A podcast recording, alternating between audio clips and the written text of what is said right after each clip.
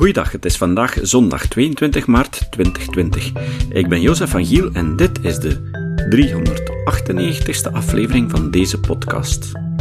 Skeptici krijgen regelmatig het verwijt dat ze meeheulen met Big Pharma, wanneer ze kritiek geven op zogenaamde alternatieve geneeswijzen. Wat wij eigenlijk doen, is zaken aanklagen die gebaseerd zijn op magisch denken of op slecht en onwetenschappelijk onderzoek. En dat komt ook voor in de normale geneeskunde. Ten slotte is ook bij farmaceutische bedrijven het doel om winst te maken. Op lange termijn werkt dat het beste door een duurzame relatie en vertrouwen op te bouwen met de klant. Maar op korte termijn is het dikwijls verleidelijk om de mogelijkheden van bepaalde producten wat op te kloppen. Ben Goldacre schreef daar al een boek over met de naam Bad Pharma. Maar het CEBAM, het Centrum for Evidence-Based Medicine in België, bekijkt ook kritisch wat de wetenschappelijke basis is van bepaalde medische praktijken en het kan daar wel eens in mislopen. Patrick van Krunkelsven is directeur van het CEBAM en op de jaarlijkse vergadering van SCEP gaf hij een lezing over overconsumptie in de gezondheidszorg. Vandaag horen jullie het eerste deel. Belangrijke mededeling. Als gevolg van de coronacrisis is TEDx Eindhoven van 9 mei uitgesteld tot volgend jaar. Als de nieuwe datum bekend zal zijn, zal ik jullie zeker op de hoogte brengen. Overconsumptie in de gezondheidszorg. Goedemiddag allemaal, bedankt om mij uitgenodigd te hebben. Uh, het is ook niet moeilijk met mijn partner Marleen, uh, die al een tijdje actief is bij jullie. Ik ga proberen iets te vertellen over uh, gezondheidszorg en natuurlijk Skip heeft natuurlijk al heel vaak kritiek gegeven op alternatieve geneeswijzen en af en toe ook op de klassieke gezondheidszorg. Maar ik ga proberen in een tiental voorbeelden toch aan te tonen dat de klassieke gezondheidszorg ook eigenlijk heel vaak er flink naast zit. Ook vandaag nog. En als we nadenken hoeveel is echt bewezen wat we doen in de gezondheidszorg, dan is dat nauwelijks de helft en vaak minder. Dus in de dagdagelijkse praktijk doen we heel vaak dingen die wat expert opinion zijn, die door gewoonte ook worden gedaan, maar heel vaak helemaal niet onderbouwd zijn. En ik ga er dus een aantal voorbeelden van geven, maar er zijn er veel, veel meer. Waar ga ik het dus over hebben? Een aantal zaken die als gevolg hebben, dus zowel op het diagnostische als op het therapeutische vlak, dat men patiënten kan beschadigen of ook onnodige kost kan veroorzaken. En het kan zowel zijn dat men te veel doet, maar soms ook te weinig. Ik heb eerst twee voorbeeldjes uit de geschiedenis gegeven, omdat ze bij jullie nogal bekend zijn. En natuurlijk zegt, ja, dat kan toch niet meer, maar we gaan straks zien dat het ook vandaag toch nog gebeurt. Een, een klassiek voorbeeld is het voorbeeld van wiegedood.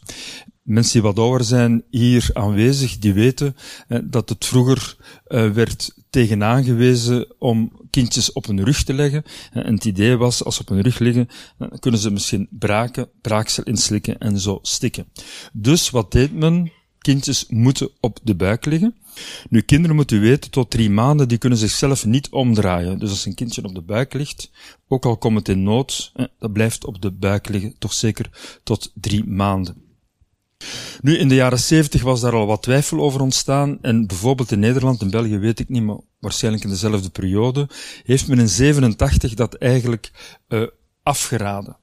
Het is een mooi bewijs van iets dat ingesteld werd zonder het minste bewijs. Er is nooit bewijsvoering geweest dat op de buik liggen beter was dan op de rug liggen. Het is pas als men twijfel begon te krijgen dat men het omgekeerde heeft proberen te bewijzen. Wat is een forest plot? Dat is eigenlijk een verzameling van studies. Een systematic review of een meta-analyse. En zo'n verzamelde studie, elk lijntje staat voor één studie. Dus Carpenter heeft in 65 een studie gedaan rond wiegedood. Hoe wordt die nu samengevat? Men zet meestal gaat het over risico naar de ene of de andere kant. Het punt 1 wil zeggen dat het risico of het gunstige effect gelijk is. voor hetgeen dat men onderzoekt. In dit geval, buikligging is beter, of buikligging is slechter. Eh, dus, eh, dus hier rugligging in dit geval. Ja, ik kan het beter eenduidig want anders wordt het heel uh, moeilijk. Buikligging is beter, hè, dus kindje op de buik liggen geeft betere overleving. Als je het kindje op de buik geeft, krijg je minder overleving. Dus die studie, het punt 1 wil zeggen dat het onbetwist is. Die ene studie hier, die komt hier op een punt, maar men rekent altijd wat onbetrouwbaarheid van een studie, en dat is dat lijntje. Dus als dat lijntje door één komt, dan is het eigenlijk onbeslist. Dat wil zeggen dat je hier kijkt, die studie, die studie, die studie, en die zijn eigenlijk allemaal onbeslist, omdat die in de, door die één lijn liepen. En dat wil zeggen, het kan zowel het een als het andere zijn. Oké, je ziet dat dat hier toch wel een beetje een wolk is. Hè. Later is het wat duidelijker in de ene richting gegaan. Hè, maar dat waren vaak kleine studies. Ook moeilijk natuurlijk om zoiets te gaan onderzoeken. Nu, wat wij voorstaan, Cochrane, mag daar ook wel een klein beetje reclame voor maken. Dat is een internationale organisatie en die zegt, we moeten de goede studies snel proberen te bundelen om tot een meer duidelijk bewijsvoering te komen. Als we hier naar rechts kijken, en ik ga het een beetje eenvoudig maken, die drie studies heeft men hier gebundeld. Dat is eigenlijk een voortdurende bundeling. Als er telkens een studie bij komt, ga ik nu niet verder op ingaan. Maar om een voorbeeld te geven, als je drie studies samenneemt, en terug analyseert en dan kom je op deze lijn. En dan zie je eigenlijk dat je hier al, wat we hier vandaag weten, dat de kans op wiegedood ongeveer vier keer groter is als het kindje op de buik ligt. Dat hadden we in de jaren 70, 80 al kunnen weten, hadden we de weinige studies uh, toen gebundeld. Hoe dan ook, achteraf zijn er nog veel studies gebeurd, maar als je ze dan bundelt, dan kom je eigenlijk op een vrij eenvoudige uh, resultaat. Uh, dat betekent dus dat die buikligging en vandaag echt wel obsoleet is en dat we die proberen uit de gewoonte te krijgen en dat lukt vrij goed en daardoor is ook het aantal wiegedoden sterk verminderd. Ook roken en zo hebben daar invloed op. Maar die buikligging was toch wel een, een heel groot probleem. Tweede voorbeeldje uit de geschiedenis over aderlaten. Ik herinner dat mijn grootmoeder heeft nog een aderlating gehad. En er was wel een klein beetje evidence voor. Mensen die heel veel vocht op de longen hadden, dus een hart dat begon te falen. Was toen het idee, als we bloed weg, weg laten vloeien, dan wordt het hart ontlast hè, en zou zo uh, de, het longedeem terug kunnen afnemen. We hadden toen, ik weet niet dat er toen al Lasix bestond, uh, is een waterafdrijvend middel. Nu gebruiken we uh, grote dosissen Lasix. Maar om maar te zeggen, aderlatingen zijn nog niet zo heel lang geleden. Zijn al heel, heel oud. In de tijd van Egyptenaren werd het al gedaan. Ook in de middeleeuwen heeft het een opbloei gekregen. Er waren speciale instrumenten voor ontwikkeld. Uh, ziet er nog redelijk uh, angstaanjagend uit. Ja, er werden zelfs speciale potjes voor en je ziet aller soort messen. Om zo'n aderlating, je moet je eigenlijk wel een serieuze insnede maken, anders uh, het, stolt het natuurlijk. Dus zoals ik gezegd heb, het bestaat al lang. Het is een beetje ontstaan uit het idee dat we ook terug in de homeopathie zien komen, dat de mens vooral uit vier humores zou bestaan. Gele gal, slijm, zwarte gal zijn dingen waar je niet aan kan. Bloed was eigenlijk het enige uh, dat men gemakkelijk kon beïnvloeden. Toevoegen moeilijk, hè, maar dus bloed laten afvloeien was eigenlijk het enige middel bijna om die vier sappen theorie te gaan beïnvloeden. Daar zou eigenlijk het idee ontstaan zijn. In de Romeinse tijd heeft Galenus uh, dat nog voor allerlei kwalen gaan promoten. In de middeleeuwen bestond er zelfs een speciale put, omdat dat bloed, het werd zoveel toegepast, en dat bloed, ja, vroeger had men ook geen riolen, kwam dat op de straat terecht, dat was ook niet zo fraai, en heeft men daar een speciale put ontworpen om al dat bloed uh, in te kunnen dumpen. In 1550 was een heel bekende Parijse chirurg, Ambroise, eh, die daar de zaak nog eens een keer heeft gepromoot. En als je ziet in de geschiedenis zijn er heel veel koningen, koninginnen die gestorven zijn aan de aderlating.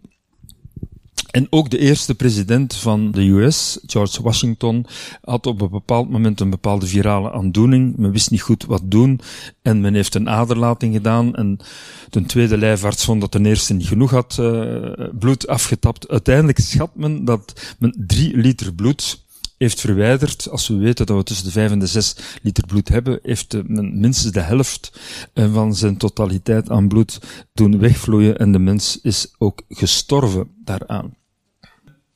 Zoals ik gezegd had, longedeem, mijn grootmoeder, mogelijk evidence of niet, dat heb ik nu niet nagekeken, of dat er enige evidence voor bestaat. Nu, wij gebruiken het nog in een aantal aandoeningen. Vermits dat ik hier in de gebouwen van het Rode Kruis spreek, hemochromatose is een aandoening dat mensen ijzer te veel opnemen. Dat wordt gestapeld. En uh, bloed bestaat uit veel ijzer, dus door het bloed regelmatig af te tappen ga je op die manier het ijzer uit lever en gewrichten enzovoort uh, kunnen uh, wegdoen. Tot voor enkele jaren werd dat bloed altijd weggedaan. Dat was perfect normaal bloed, maar omdat het bij een zogenaamde zieke werd afgenomen, eh, werd het niet geaccepteerd. En was ook voor het Rode Kruis, die al lang wist dat er niks mis mee was, onmogelijk om het te recupereren. Maar goed, uh, Magie de Blok, denk ik, heeft dan toch uiteindelijk het initiatief genomen om dit bloed van hemochromatose patiënten toch te accepteren. Maar goed, is een lange geschiedenis en zonder eigenlijk de minste uh, evidence dat dat bestaat. Je zou zeggen vandaag de dag, het zal toch wel niet meer gebeuren, zeker, jawel. Er bestaan ook in ons land verschillende centra, uh, zogenaamde iridotherapie. Beestjes, uh, bloedzuigers, die zullen zo noemen, denk ik, irido of iets in de naart. Iridoïd kennen misschien sommige mensen. Uh, die bloedzuigers moeten natuurlijk een stof inspuiten om te ver verhinderen dat het stolt. Hè, terwijl dat ze, muggen doen dat trouwens ook en andere insecten. Uh, maar de stof bij deze diertjes uh, wordt dus ook gebruikt in zalf. Maar goed, het wordt gedaan in verschillende centra in ons land. Hè, worden mensen dus, die krijgen 10, 20, 30 van die bloedzuigers op zich om heilzaam te zijn betekent dus niks. Wie denkt dat wij vandaag de dag niet veel uh, behandelingen uh, zonder evidence gebruiken, die zijn het verkeerd, die hebben het verkeerd voor. Nu, de, een Amerikaanse organisatie van internal medicine heeft in 2012 Choosing Wisely opgericht. En hun missie is eigenlijk ervoor te zorgen dat al wat we doen ondersteund is door evidence, dat we geen dubbele onderzoeken doen, uh, in elk geval geen schadelijke, free for harm, en enkel doen wat echt noodzakelijk is. En ook steeds in overleg met de patiënten. Dat is eigenlijk een doelstelling. En ze hebben ondertussen al een, een 650 aanbevelingen daaromtrent. En meestal van, van Amerikaanse organisaties die toch niet direct kunnen verdacht worden om, om niet echt uh, serieuze geneeskunde te doen. Maar dus vandaag de dag uh, zien we spijtig genoeg nog heel veel nutteloze ingrepen. Oké. Okay. Komen we nu stilletjes aan bij de moderne geneeskunde.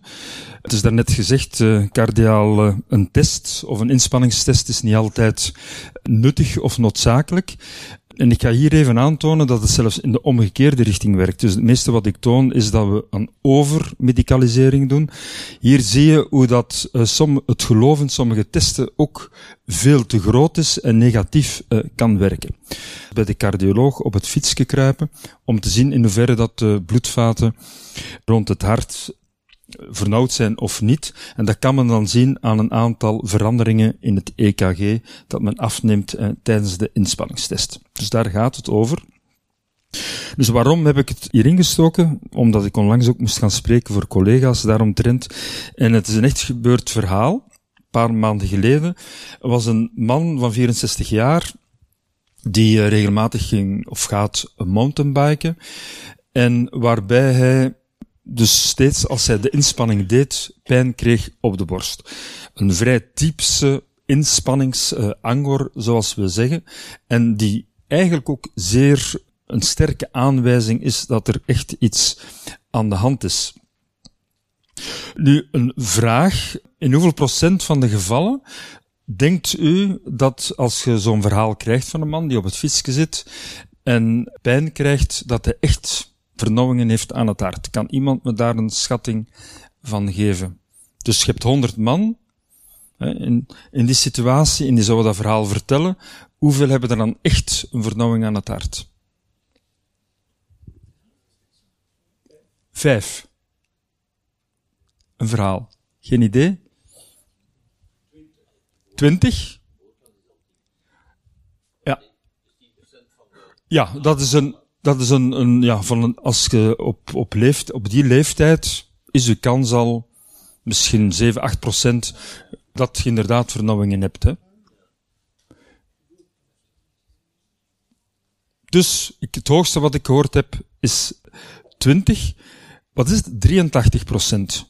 Om maar eens een keer te zeggen, het geloof van de, van de mensen in allerlei machines is enorm groot. Nu, een goede anamnese, een goede ondervraging, of hoe luisteren naar de patiënten, is soms een zeer sterk argument. In dit geval is het typisch optreden van pijn, typisch droogte van de borst, bij een zware inspanning, die overgaat als de inspanning verminderd wordt, of soms ook als je iets minder hard rijdt, die ook wel kan overgaan. Wel, dat is een zeer sterk uh, bewijzend uh, vermogen. Dus 83 procent. Ik zeg, amai, dat is toch wel gevaarlijk. Ik stuur die naar de cardioloog. Wat doet de cardioloog? Die gaat een inspanningstest doen. Die mens wordt op de fiets gezet en wat is, denken jullie daar het bewijs van? Dus we hebben de ondervraging gehad. Hij gaat fietsen onder gecontroleerde inspanningen. Hè, gaat men zien wat het effect is op zijn elektrocardiogram. Iemand daar een schatting nu? Hoeveel, als je terug die 100 mensen hebt, hè, hoeveel patiënten zouden er een positieve test afleggen? Zou die test aantonen wat ik dus vermoed op basis van mijn ondervraging? Hoe, hoe beter is die test of slechter? Ik weet het niet. Wat denken jullie? Die test die de cardiologen dag in dag uit doen. Op hoeveel procent zou die komen? Op basis van uw intonatie minder. ja. ja, ja, je bent een echte scepticus. Hè? Goed, je hebt het verraden. Uh, maar die, die toont, die is iets specifieker. Dus die, maar die gaat, dat wil zeggen, als ze minder uh, vals negatieven heeft, dus mensen die gezond zijn, uh, gaan het minder een positieve test afleggen. Maar in dit geval wil ik vooral uitsluiten wat die man al dan niet een vernauwing heeft.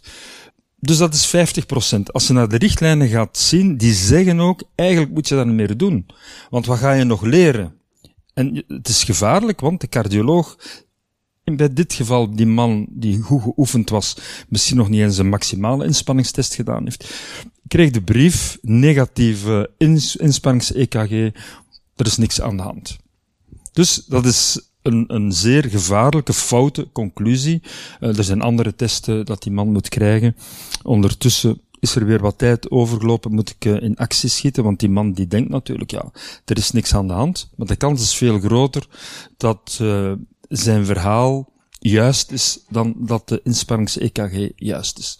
Dus dat is ook kwatsch. Hè? Dus het geloof in de inspanningstest. Nu, als screenings Sommigen twijfelen daar zelfs aan, uh, maar cardiologen doen dat systematisch. Maar dus, u hebt vandaag gezien als uh, screeningsinstrument, als je daar een negatieve test doet, ja, dan wil, wil dat zeggen dat je nog altijd 50% kans, in de risicogroep nog altijd 50% kans hebt om wel gevaarlijke ver, vernauwingen te hebben.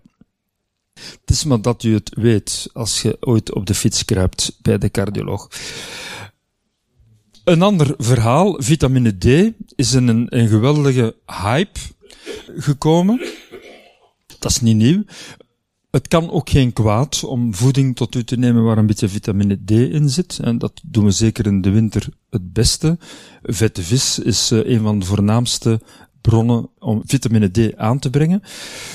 Het aantal, ik heb even straks gekeken, het aantal preparaten dat of aantal firma's dat vitamine D op de markt brengt, is niet te tellen. Er zijn tientallen, honderden. Ik word ook sinds een paar jaar door uh, veel firma's uh, belaagd om vitamine D voor te schrijven aan mijn patiënten. Dat is niet nieuw. Ik herinner mij nog uit mijn kindertijd, en dat is ook niet fout. Kinderen tot vier jaar, zeggen sommigen, kunnen wel wat extra gebruiken. Het was slecht. En ik herinner mij zelfs nog altijd het flesje. Ik heb gezocht, het was niet helemaal dat, het was zo een, een zes- of achthoekig flesje plat met een witte substantie daarin. En elke morgen voordat ik naar school ging, uh, herinner ik me nog, uh, moest ik zo'n lepel. Het was ongeveer die strijd elke dag opnieuw. Dus het bestaat al wel langer.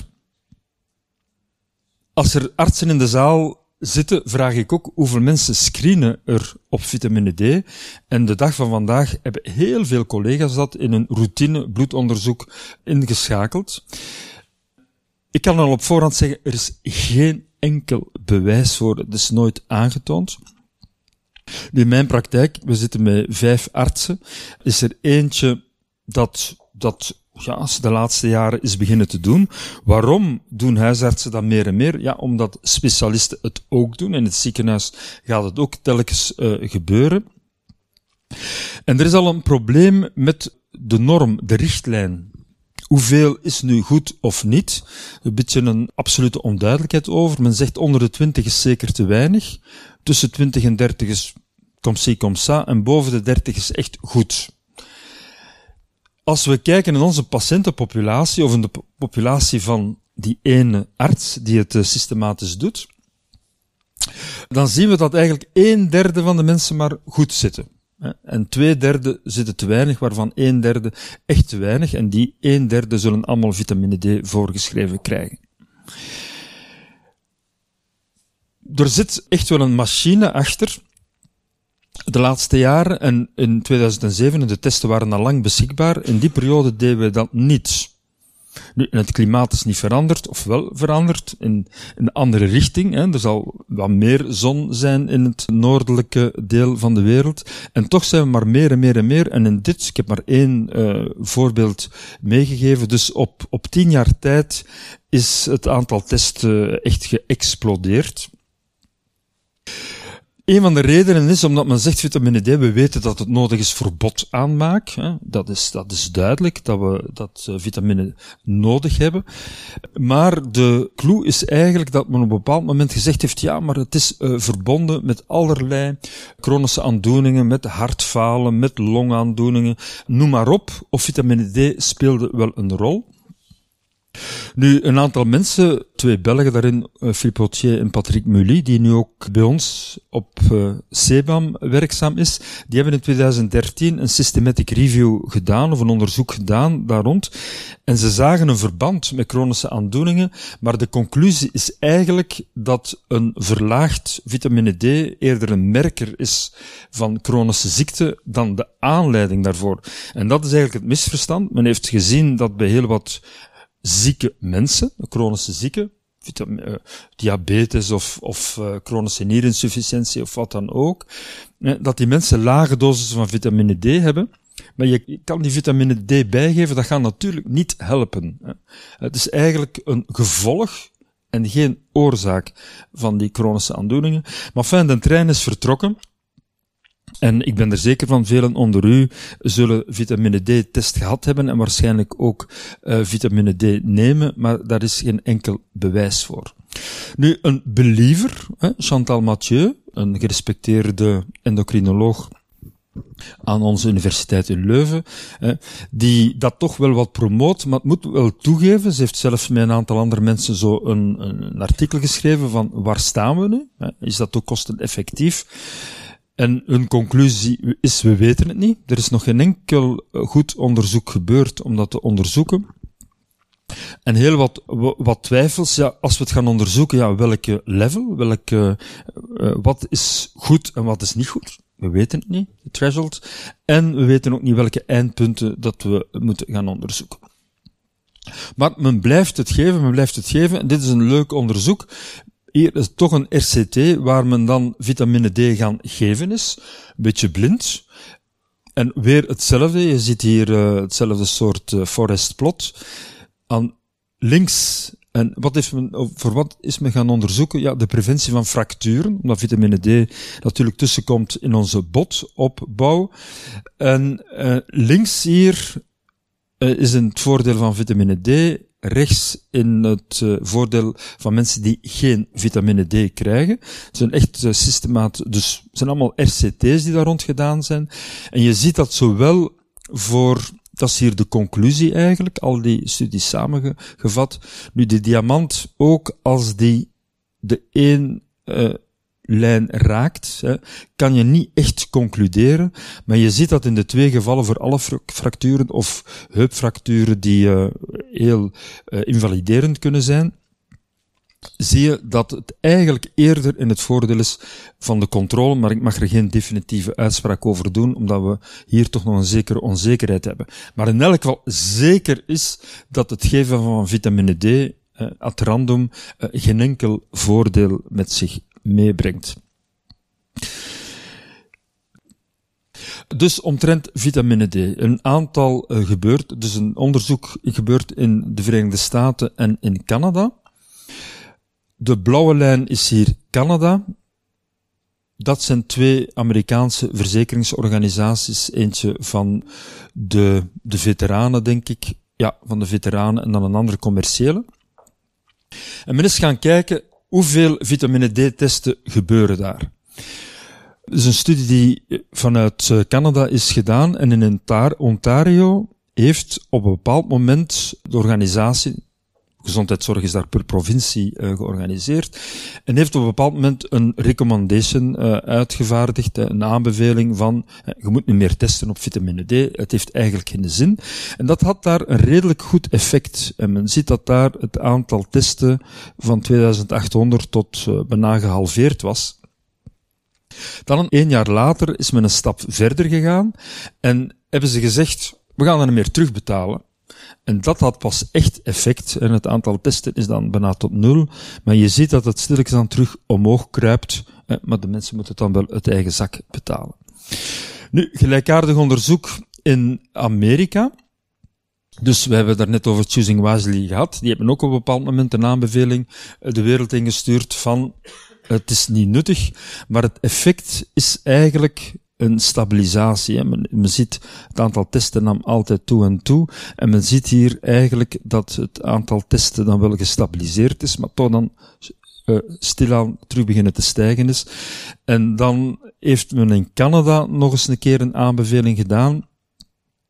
Maar daar zat men al laag, mogelijk een dipje voor een aantal maanden, mogelijk. Maar eigenlijk heeft die aanbeveling niet veel gewerkt. Nu, wat leren we daaruit? Dat allerlei richtlijnen, aanbevelingen die wij geven aan artsen, dikwijls uh, weinig effect hebben, gelukkig wel een beetje effect hebben, maar uh, dat harde maatregelen van we betalen het gewoon meer terug, uh, dat dat natuurlijk veel efficiënter is om artsen te leiden.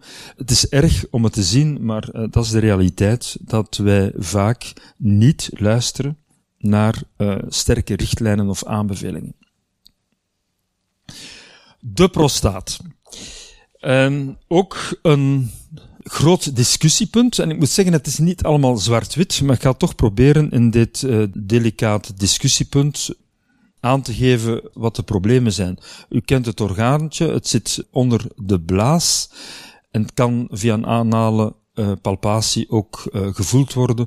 Nu, dat is al wel verlaten als echt screeninginstrument, omdat dat toch veel te onduidelijk is.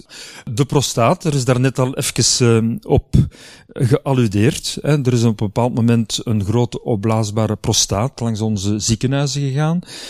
Als we goed keken, hing daar ook ergens een teken op van Johnson Johnson. Dus uh, heel dat was niet een spontane bevlieging, of die, ja, die prostaat die komt natuurlijk daar niet aangevlogen. Uh, het was Johnson Johnson die die gemaakt of bekostigd heeft. En de urologen zover gekregen heeft om dat in de ziekenhuizen te installeren.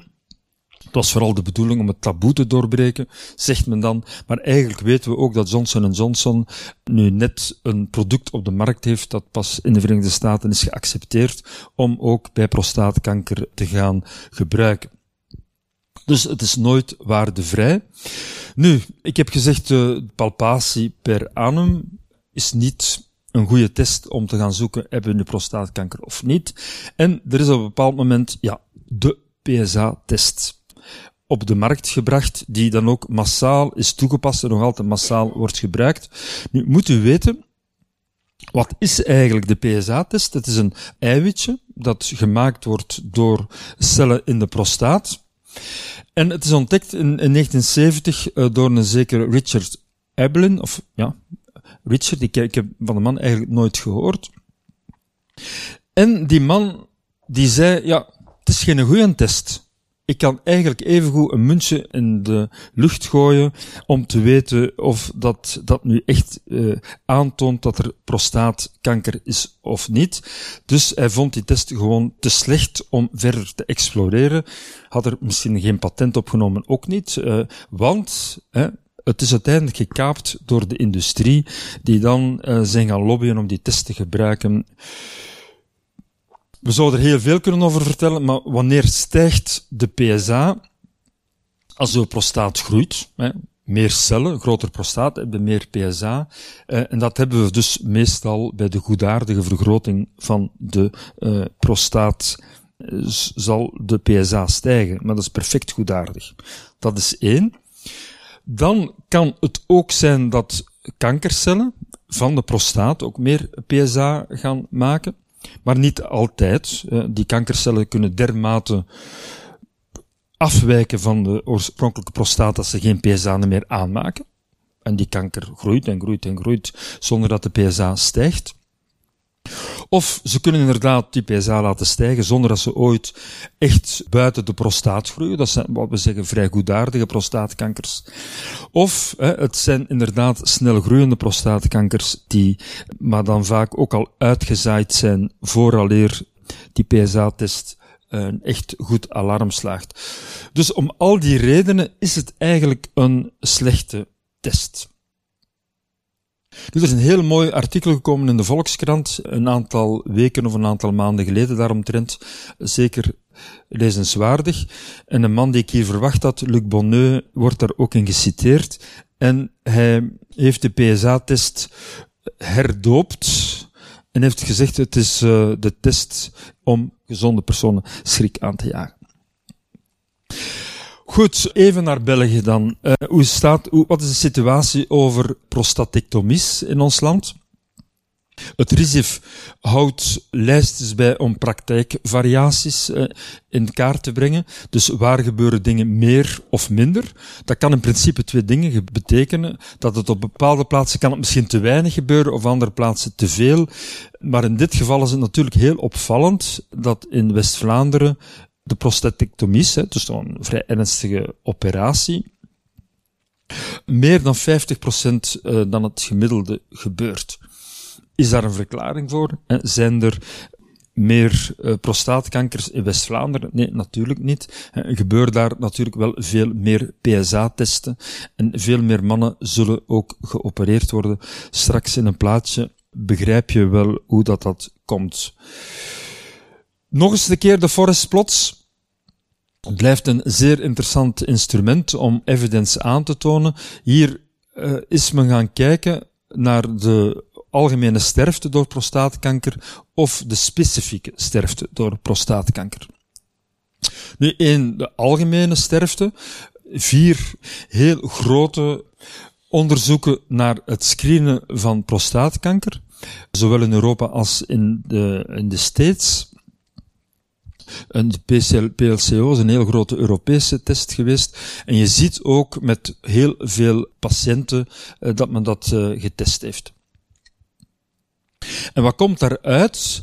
Wat totale sterfte betreft, dus eigenlijk zie je weer dat al die individuele uh, studies door die één lijn gaan en dat ook de diamanten samenvatting dus misschien een klein klein beetje in de richting van screening gaat, voordeel van screening, maar hoe dan ook uh, fors die één lijn doorkruist. Dus je kan er geen enkele uh, absolute conclusie uit trekken. Als je gaat zien naar prostaatspecifieke sterfte, ik zou zeggen, het zou er nog gaan ontbreken, dan zie je toch eigenlijk dat er maar één studie is, die Europese studie, toont hier toch een mogelijk voordeel voor prostaatspecifieke overlijden. Maar goed, iedereen is er niet over eens. Je ziet dat er uh, vier andere studies zijn die uh, daar eigenlijk geen enkele conclusie kunnen uittrekken. En toch, en toch zie je dat het nog altijd blijft gebeuren uh, zonder evidence. Nu, Je zou kunnen zeggen, baat het niet, het schaadt niet, hè, van te gaan testen en snel te opereren. Wat laat ik u hier zien in één plaatje? Staat heel veel op en ik leg het even uit. Hier zie je duizend mannen, dus elk bolletje staat voor een man, eh, die uh, niet gescreend zijn. Hier staan ook duizend mannen die wel gescreend worden. En men heeft die gedurende ongeveer elf jaar opgevolgd. Gemiddeld elf jaar. Wat is er gebeurd? Het waren mannen dus 50 jaar of ouder. De gemiddelde leeftijd zal misschien 60, 65 jaar geweest zijn. Dus 11 jaar later ziet men dat in totaal 210 mannen gestorven zijn die niet gescreend zijn. En je ziet hier ook hè, totale sterfte, maar hier gaat over kankersterfte zelfs, denk ik, of any cause. Nee, dus zijn uh, mannen die gestorven zijn aan gelijk welke oorzaak. Dus exact evenveel. Dan is men ook gaan zien naar de mannen die specifiek aan prostaatkanker zijn gestorven, dus prostaat-specifiek uh, overlijden, cancer uh, overlijden. En hier zie je dan bij de zonder screening 7, hier ook 7. Stel, er is één studie hè, die aangetoond heeft dat het iets minder zou zijn, dan zou je hier misschien op 8 komen. In het beste geval, laat ons positief zijn over de test, kom hier op 8, maar het totaal aantal rode bolletjes maakt het geen verschil. Oké. Okay. Uh, je zou kunnen zeggen dat is een, een, evenwicht, maar dan moeten we ook kijken naar de buiden, zoals men in het Engels zegt. Wat veroorzaakt eigenlijk die screening ook aan nevenwerkingen?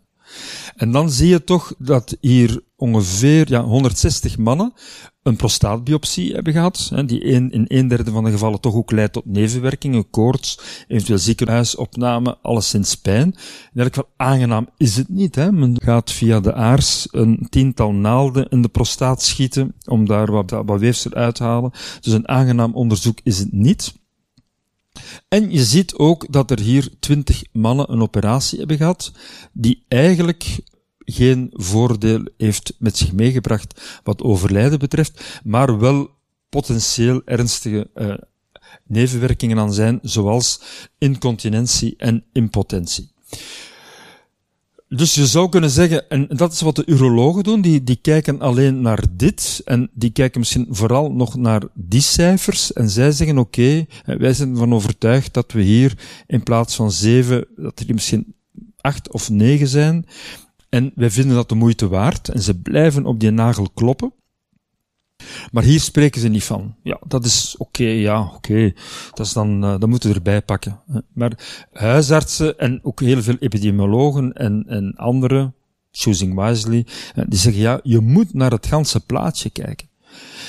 En wat je tenminste moet doen, is aan elke man dat je PSA-bepaling doet, moet je ook wijzen op de mogelijke effecten als je ermee begint en je komt in die koker van biopsies enzovoort, dat je misschien eindigt hier bij die twintig uh, blauwe bolletjes en dat is toch niet aangenaam. Als je zegt, ik wil absoluut, absoluut niet van prostaatkanker sterven, ja, dan moet je dat doen. Maar de kans dat je aan iets anders sterft is ook heel groot ondertussen. En de kans dat je ernstige nevenwerkingen hebt is heel groot. Dus dat is eigenlijk de essentie van de discussie waar men ofwel focust op die zeven of acht bolletjes, of je kijkt naar het ganse plaatje. Uh, dat geeft uh, heel uh, grote emotionele debatten. Ik heb het zelf nog mogen meemaken als ik in West-Vlaanderen daarover ging spreken. Maar dat is een ander verhaal. Het citaat. Het citaat van vandaag komt van Etienne Vermeers. Vermeers zei: De grens tussen wetenschap en pseudowetenschap valt niet scherp te trekken. Desalniettemin blijft het onderscheid zinvol. Ook de grens tussen volwassenheid en onvolwassenheid is niet scherp. Toch is dat onderscheid nuttig. Tot de volgende keer. Dit was de podcast Kritisch Denken. Vergeet niet om alles kritisch te behandelen, ook deze podcast. Voor verdere informatie over deze podcast, links en voor de tekst, surf naar www.kritischdenken.info. Als je deze podcast belangrijk vindt, kun je me steunen door anderen warm te maken ook eens te luisteren. Stuur een e-mail naar vrienden met een link naar de website en plaats de link in de handtekening van je e-mails. Tevens kun je op iTunes deze podcast een beoordeling geven of een recensie schrijven. Of je kan op je eigen website of blog een link naar kritisch denken plaatsen.